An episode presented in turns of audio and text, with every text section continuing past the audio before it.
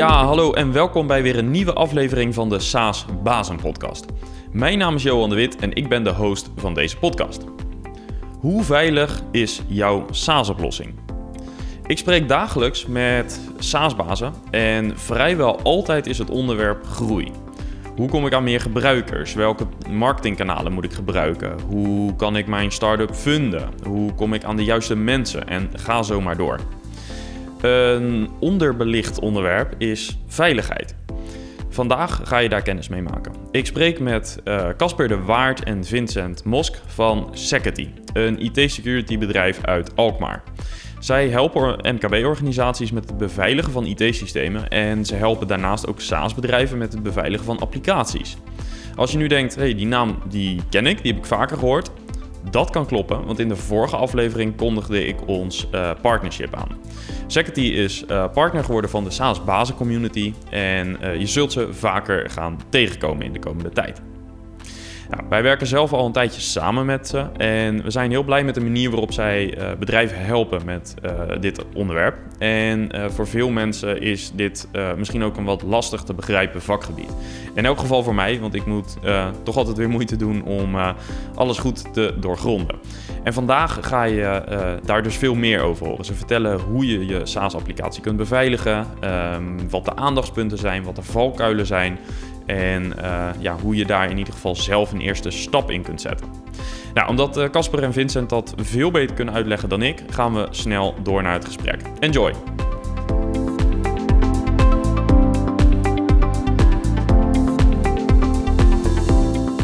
Goed, ik zit hier uh, met Vincent en Casper van Security.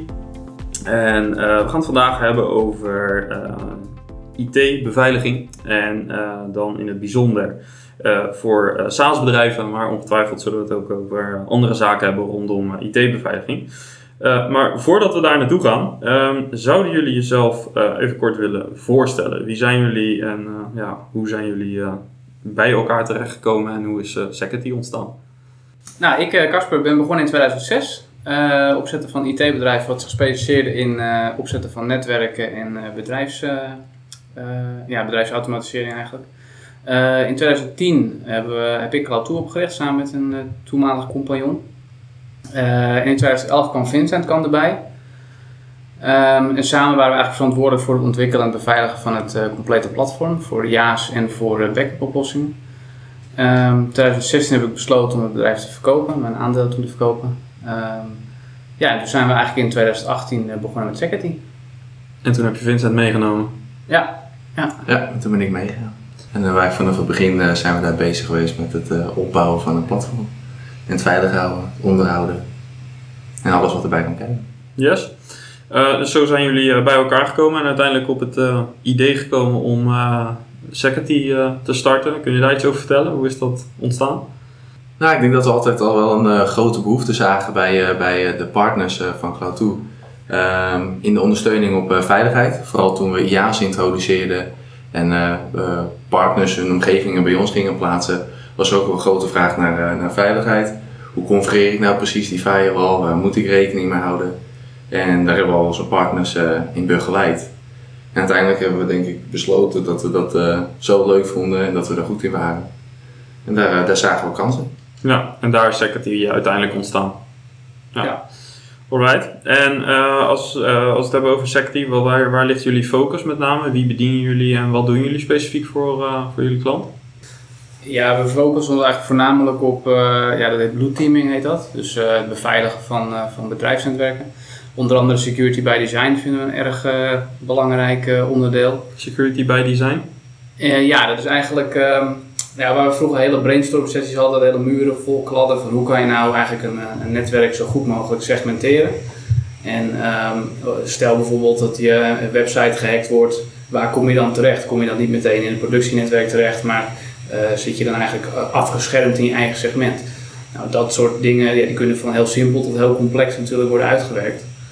En uh, ja, daar, uh, soms zaten wel eens collega's te kijken van wat zijn jullie in godsnaam allemaal aan het doen. maar dat, ja, dat, vonden, dat vonden we echt heel leuk om te doen ook. Ja, maar dat zou je kunnen zien als eerste stap die jullie ook voor opdrachtgevers doen. Ja, ja dat is een van de onderdelen waar we kijken van uh, is het netwerk eigenlijk veilig opgezet.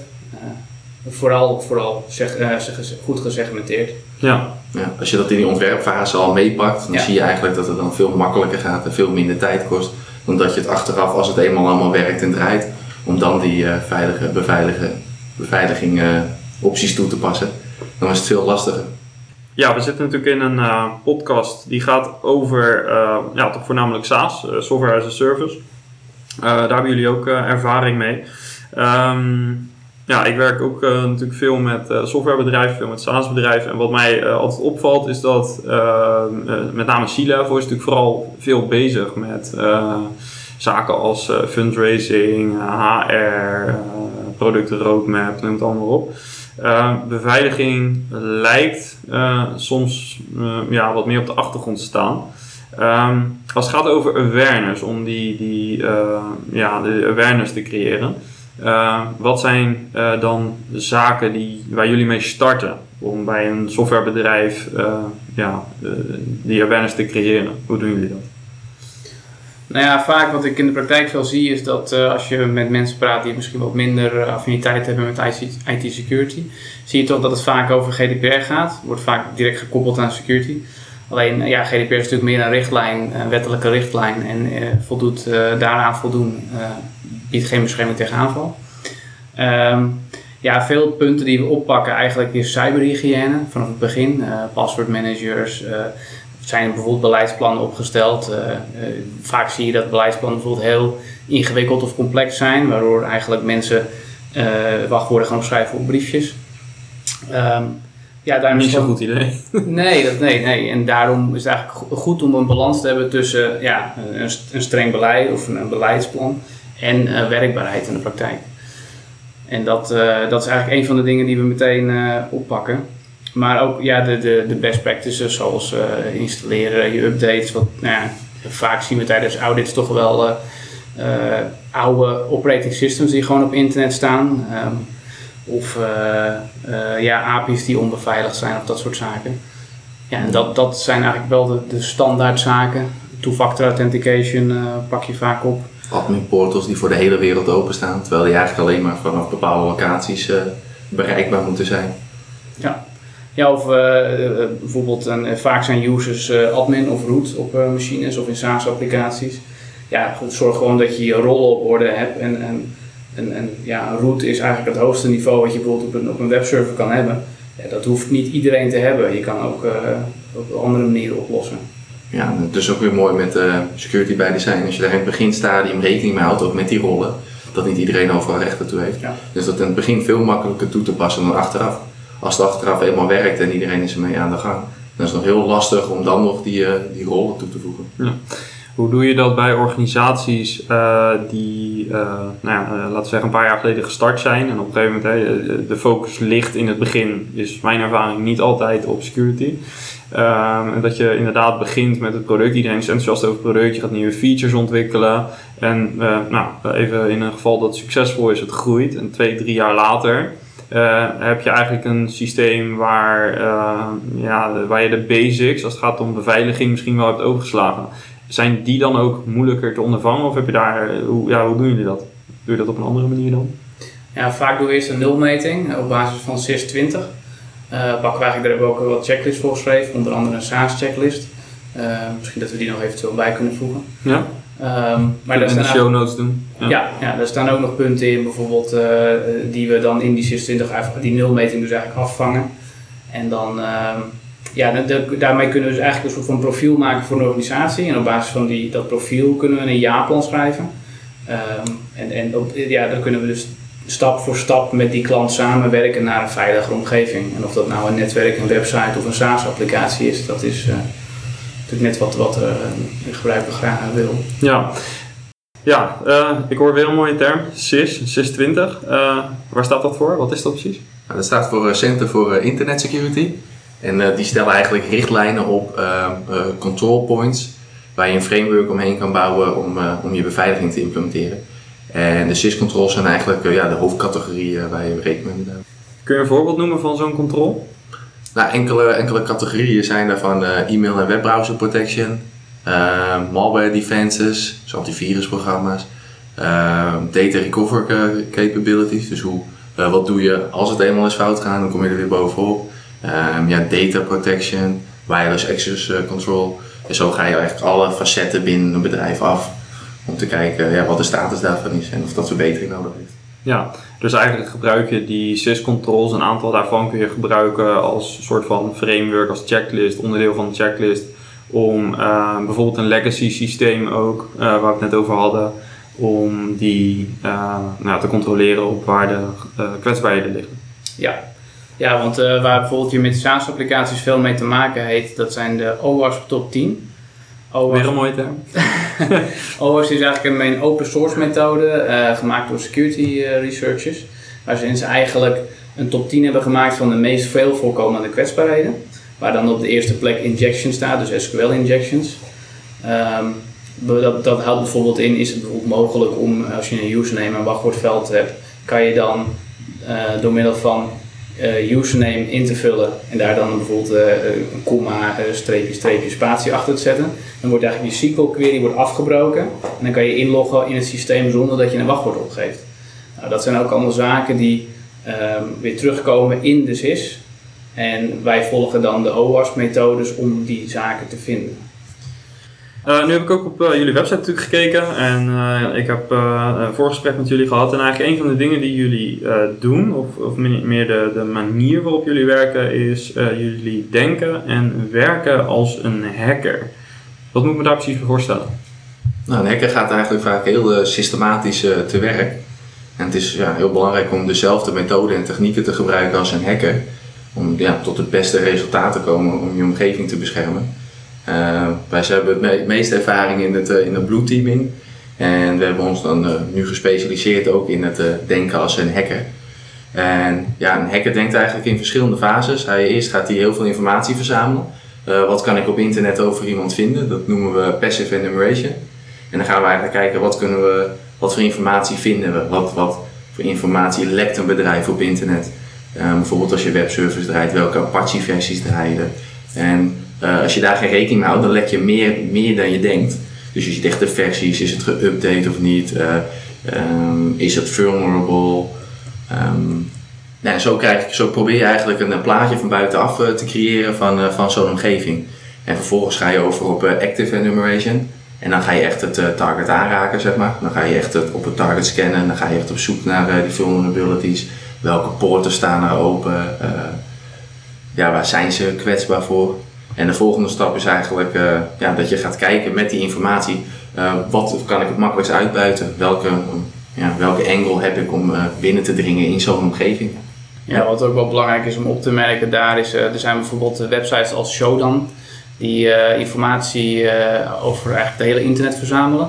En een eh, hacker kan heel makkelijk bijvoorbeeld eh, een, een bepaald RDP-exploit, dus een remote desktop exploit, vinden door een simpele query te draaien. En dat kan zelfs op, landniveau, op plaatsniveau.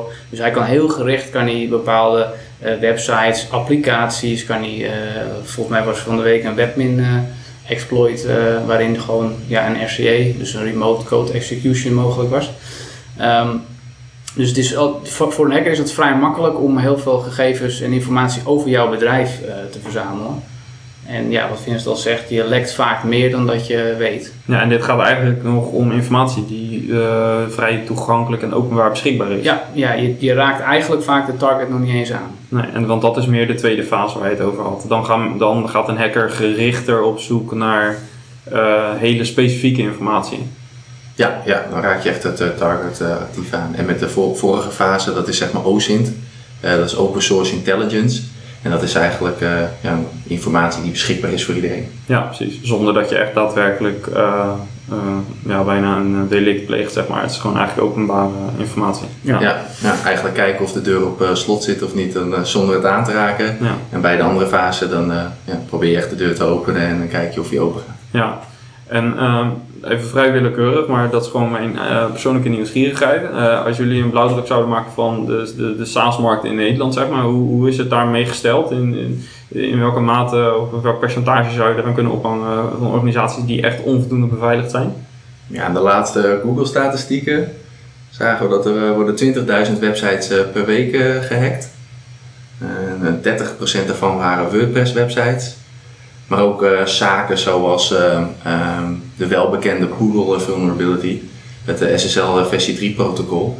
In 2014 eh, is, dat, eh, is dat gehackt en er zijn er exploits voor naar buiten gekomen. En nu anno 2019 zijn er nog steeds eh, 437.000 IP-adressen die SSL versie 3 ondersteunen. Dus daar zit nog steeds heel veel kwetsbaarheid.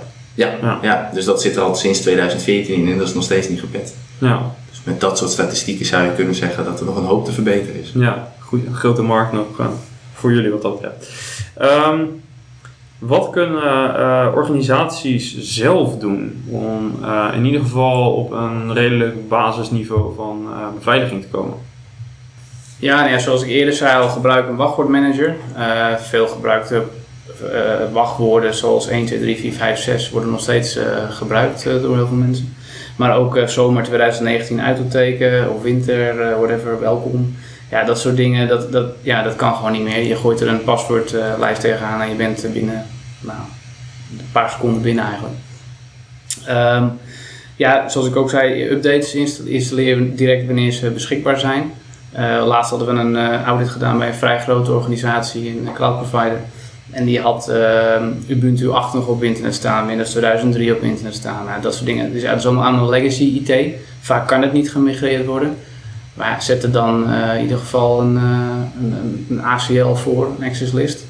Of ja, dat soort zaken. Maar zet het niet op internet. Eh, Dat is gewoon niet best practice. Eh, download en gebruik programma's uit officiële bronnen is belangrijker. Vaak wordt ook eh hoop uit torrents gehaald of eh, even snel ergens vandaan. Ja, dat, daar kan een back, backdoor in zitten. Ja, voor nodige plugins op website. Vaak worden er heel veel plugins aangezet, terwijl die niet eens nodig zijn. Elke plugin moet ook weer geüpdate worden. En kijk ook wanneer zo'n plugin voor het laatst is geüpdate. Als er al een paar jaar geen ondersteuning voor, voor is, gebruik hem dan ook niet. Ja, en, en stel zaken beschikbaar als de two-factor authentication op je webportal.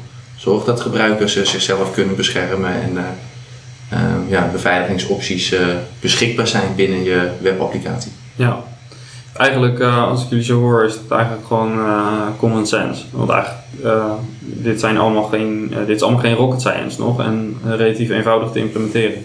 Bijvoorbeeld een password manager, dan hebben jullie het waarschijnlijk over OnePassword, LastPass, dat soort, ja, dat soort zaken. Ja. ja.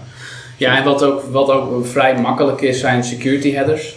security headers zijn eigenlijk een soort van uh, stukjes code in je website die tegen de browser zegt wat wel mag en wat niet, niet mag.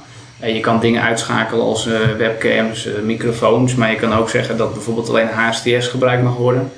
Um, ja, HSTS zorgt er eigenlijk voor dat je, um, je, geeft aan in een database die de meeste moderne browsers tegenwoordig gebruiken, geef je aan dat jouw domein mag alleen bezocht worden met een SSL-certificaat. En als je dat niet hebt, nou, dan krijg je de website ook niet te zien. Um, en dat is, beveilig je er eigenlijk tegen, want we hebben natuurlijk ook wel HTTP redirects naar HTTPS. Maar dan kan je een downgrade attack doen. En dat zorgt er eigenlijk voor dat je in plaats van ja, de redirect van HTTP naar HTTPS, dat je op HTTP blijft. En dan, ja, dan gaan al je gegevens onversleuteld over internet. En met HSTS uh, voorkom je dat. Ja. Maar ook bijvoorbeeld zaken zoals um, X-frame headers. Um, dat, je niet, dat je zorgt dat je website niet in een, een iframe gezet kan worden. Want dan kan bijvoorbeeld een kwaadwillende kan jouw website inladen in een iframe. En die kan dan over bepaalde knoppen zijn eigen knoppen uh, met uh, kwaadwillende code toevoegen. Dus dat jij denkt, nou ik zit op uh, de website van Noordhaven.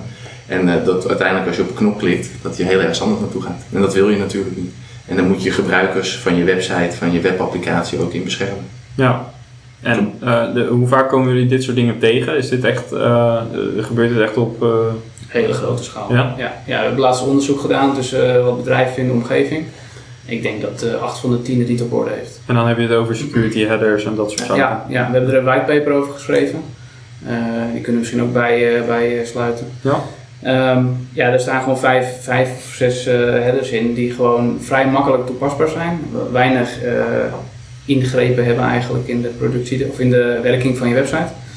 Ja, doe het gewoon. Het is, ja, het laaghangend fruit, uh, zeg maar, maar essentieel. Fruit, ja. Ja, ja, en je gebruiker moet er eigenlijk ook gewoon vanuit kunnen gaan als je op jouw uh, website of gebruik maakt van jouw webapplicatie, dat die in uh, bepaalde mate beschermd wordt. Ja. Als we kijken naar eh, nou, bepaalde zaken in de praktijk, in de media, worden natuurlijk platgegooid met, uh, met uh, datalekken en allerlei beveiligingsblunders en issues. wat is de laatste waar jullie erg om hebben moeten lachen? Of welke sprongen over jullie uit? Welke zaken in de media staat om IT-beveiliging? Nou, lachen. Ik eerder een huilen. Bijvoorbeeld uh, Deja Blue. Dat was een, uh, een lek in het remote desktop protocol. Waarmee je op afstand ja, een, een, een, werkstation of server kon overnemen. Um, ja, dat, dat was echt wel een heel groot lek. En daar zijn, um, voordat dat weer gepatcht wordt, dat duurt weer heel lang. Dus ja, tot die tijd kunnen kwaadwillenden daar vrolijk gebruik van maken. En dat is maar wel, er was wel al vrij snel natuurlijk een patch uit, alleen voordat dat dan doorgevoerd is. Ja, ja de patch was, was, was super snel. Alleen voordat dat inderdaad, was, ja, die patch op al die services geïnstalleerd zijn, waarschijnlijk weer jaren verder. Ja, en van de week stond er op Tweakers zo'n bericht over een hoster die 14 miljoen klantenbedrijfgegevens had uitgelegd via, uitgelegd via de API. Omdat daar on, hoe heet het, ongeautoriseerd toegang toe te krijgen was. Ja, en dan denk ik van wie zet dan zo'n API op, op internet en waarom wordt dat dan niet getest? Ja, lachen is natuurlijk niet geen goed woord, maar dan denk je wel even van nou... Uh, dat is een, uh, een blunder. Een pijnlijke blunder, ja. Ja, ja. Ja goed, het hele verhaal weet je natuurlijk niet. Uh, maar ja, dat soort dingen kan je denk ik zelf makkelijk voorkomen. Ja, ja, en als je nu wil uh, starten met het beter beveiligen van je SaaS-applicatie, wat zou dan van jullie uit het advies zijn om in ieder geval mee te starten? Nou ja, dus er zijn natuurlijk heel veel zaken, maar bijvoorbeeld gebruik, pas nooit zelf cryptografie of, of, ga dat niet zelf ontwikkelen, maar gebruik gewoon bestaande mechanismen of bibliotheken ja, voeg gewoon vaak beveiligingsgerichte testsessies uit op je omgeving. Kijk naar role-based authentication, dus wie kan bij wat, dat soort zaken. Um, hoe, hoe, test je dat soort dingen? Eh, kan je, zou je dat automatiseren? Of? Nee, maar bijvoorbeeld maak, een account aan en, en kijk waar je bij kan. En kijk bijvoorbeeld als je een rol voor de finance afdeling hebt toebedeeld, kijk waar die finance afdeling dan bij kan als het al ingeregeld is. Vaak zie je organisaties die uh, delen admingegevens uit en dan volgt er iedereen overal bij. Maar ja, als, als iemand uit dienst gaat of, of een export kan maken van bepaalde zaken, dan dat wil je natuurlijk niet. Nee, het is niet de bedoeling dat iemand van finance bijvoorbeeld data kan verwijderen in je database. Ook dat niet, nee. Of een, of een gebruiker kan aanmaken en dan krijgt de juiste persoon een melding van als een gebruiker wordt aangemaakt. Of als er een nieuwe admin-account bij komt. Ja, maar bijvoorbeeld ook als er een gebruiker aangemaakt wordt, worden die los bijvoorbeeld uh, uh, bijgehouden en worden die los geaudit. Uh, dat soort zaken ja, kunnen los verwijderd worden. Ja. Oké, okay, nog andere zaken? Wat, wat, ook een goede is, bijvoorbeeld zet een bug bounty programma op. Um, dus bijvoorbeeld op je website. Voor, voor de, vaak wordt alles wat je op internet zet, wordt gepentest. Het is alleen de vraag, krijg ik er een rapport van of niet? um, Ja, als jij een bug bounty programma opzet, dan kan, kunnen mensen dat eigenlijk op een, uh, op een correcte manier bij jou kwijt. En dan kan je zelf bepalen of je daar bijvoorbeeld een bedrag, of een bedrag tegenover zet. Ja. Hebben jullie uh, tot slot een ultieme tip? Er zijn een aantal dingen voorbij gekomen, zoals updates, tijdig of liefst direct uitvoeren. Een password manager gebruiken. Zorg dat bijvoorbeeld als het gaat om je website je security headers op orde zijn. Maar als jullie één gouden of finale tip zouden moeten geven aan een SaaS bedrijf op gebied van IT-beveiliging, wat zou dat dan zijn? Altijd zelf blijven nadenken, blijf in controle, zorg dat je zelf grip hebt op de, op de beveiligingen van. Vertrouw niet volledig op iemand anders, tuurlijk kan je laten informeren. Maar zorg dat je begrijpt wat iemand, uh, wat iemand voor je doet. En heb je het dan ook bijvoorbeeld uh, uh, over het hosten van je applicatie? Dat je, want dat is iets waar veel SaaS-bedrijven zelf niet per se natuurlijk echt veel verstand van hebben. De grotere wellicht wel, maar zeker in het begin meestal niet. Hoe moet je daar dan mee omgaan? Want je mag ook redelijkerwijs verwachten dat je hosting wel een goede hand is als je een goede provider hebt geselecteerd. Of zou je ook daar zelf intern kennis in huis moeten halen? Nou, veel providers uh, geven je wel de tooling om, uh, om jezelf te beschermen. Je blijft zelf verantwoordelijk en je moet het ook aanzetten, zoals bijvoorbeeld uh, two-factor, least privilege. Maar zorg ook dus ook voor die HTSS, HSDS. HSDS ja. ja, dus zorg dat dat ook aanstaat. En bijvoorbeeld DNSSEC is een goede. Zoals bij je hosting provider of je, de, je register, dat je dat, aan kan, dat je dat zelf ook aanzet. Je blijft er zelf voor verantwoordelijk. Dus ze bieden je wel de tooling, maar of je het uh, gebruikt en goed inzet is aan jezelf. Ja. Ja, vertrouwen is goed, controle is beter. Dat is een mooi om mee af te sluiten. Top, dankjewel. Ja, bedankt. Yes.